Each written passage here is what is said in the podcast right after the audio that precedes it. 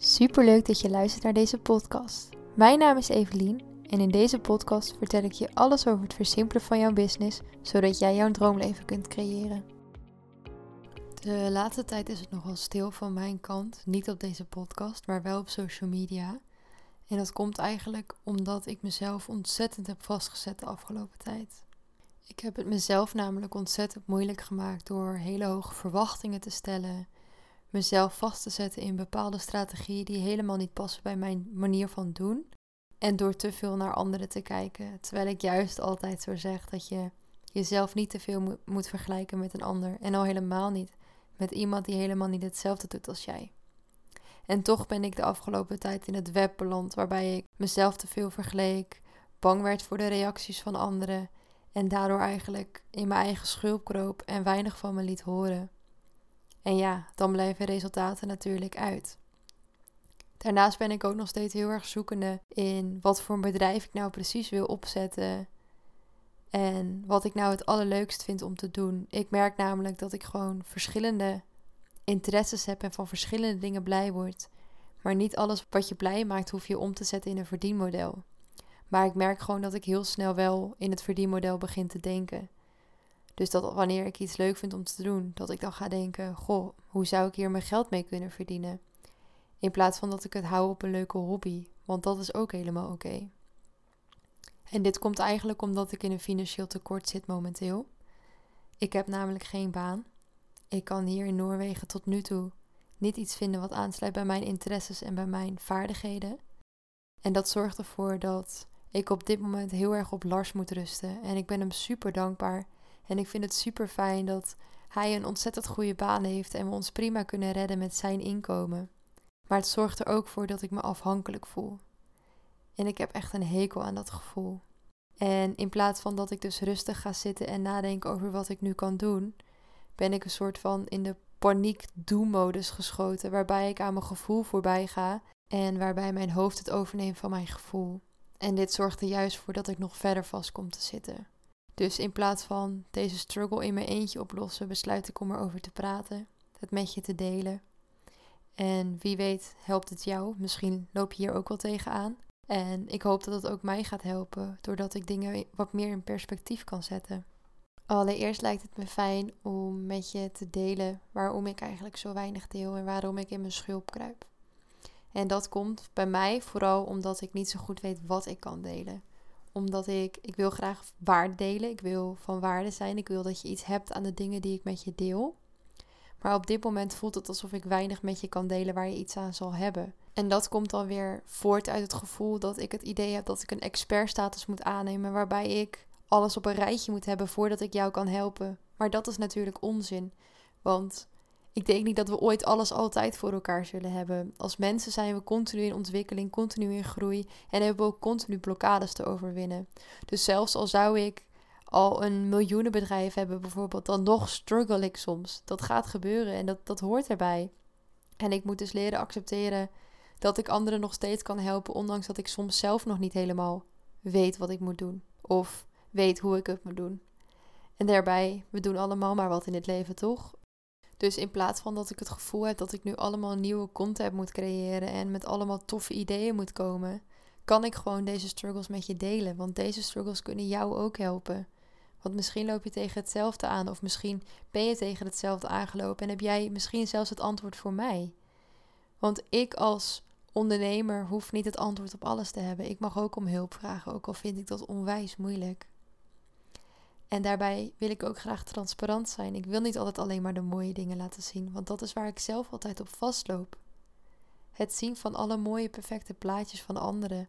En het lezen van hun resultaten in plaats van van de struggles die ze hebben overwonnen.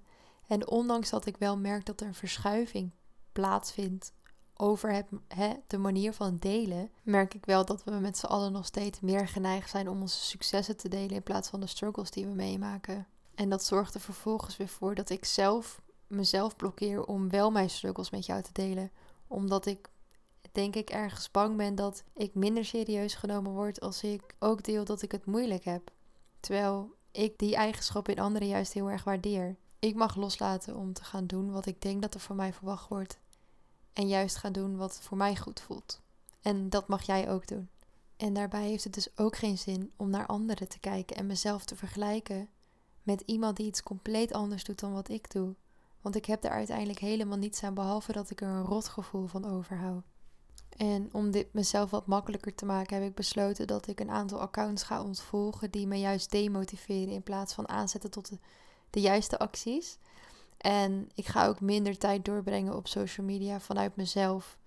Ik ben namelijk iemand die nog wel eens makkelijk een beetje kan doorscrollen als ze reels of TikToks aan het kijken is. En ik merk gewoon dat dat mijn creativiteit tegenhoudt, maar dat het ook ervoor zorgt dat ik vergeet wie ik ben of zo. Als dat, ja, het klinkt misschien een beetje vaag, maar ik zie zoveel strategieën van anderen dan langskomen. En dan denk ik, oh, zij doen het zo en zij hebben echt super goede resultaten. Nou, dan moet ik dat misschien ook maar gaan doen. Terwijl ik diep in mijn hart weet dat dat voor mij niet werkt. Dat ik diep in mijn hart weet dat dat niet is wat mij gelukkig maakt. Dus daarin mag ik gewoon meer op mezelf gaan vertrouwen en meer naar mijn eigen gevoel luisteren. En door mezelf minder bloot te stellen aan die content, wordt het waarschijnlijk ook makkelijker om dichter bij mezelf te blijven. Dus dat is mijn plan daarvoor. Het overal verdienmodellen inzien is voor mij een probleem, omdat ik daardoor niet meer helemaal optimaal kan genieten van de dingen die ik doe. Als in, als ik bijvoorbeeld aan het breien ben, dan denk ik, oh, ik kan wel mijn eigen breipatronen gaan ontwikkelen en die gaan verkopen. En als ik dan vervolgens bijvoorbeeld kaartjes aan het maken ben, dan denk ik, oh, ik zou ook kaartjes kunnen designen en die gaan verkopen. En door al deze gedachten maak ik het mezelf ontzettend lastig om optimaal te genieten van mijn hobby's. Want mijn hobby's zijn ervoor gemaakt om te ontspannen en te relaxen. En door er weer een verdienmodel aan te willen koppelen, ga ik mezelf weer vastzetten in bepaalde gedachten. En ga ik er weer op een bepaalde manier naar kijken, waardoor het meer werk wordt in plaats van hobbyen. En dat stukje moet ik dus echt leren loslaten. Ik ga me nu volledig focussen op het helpen van andere creatieve ondernemers. En dat is wat ik nu gewoon voorlopig ga doen.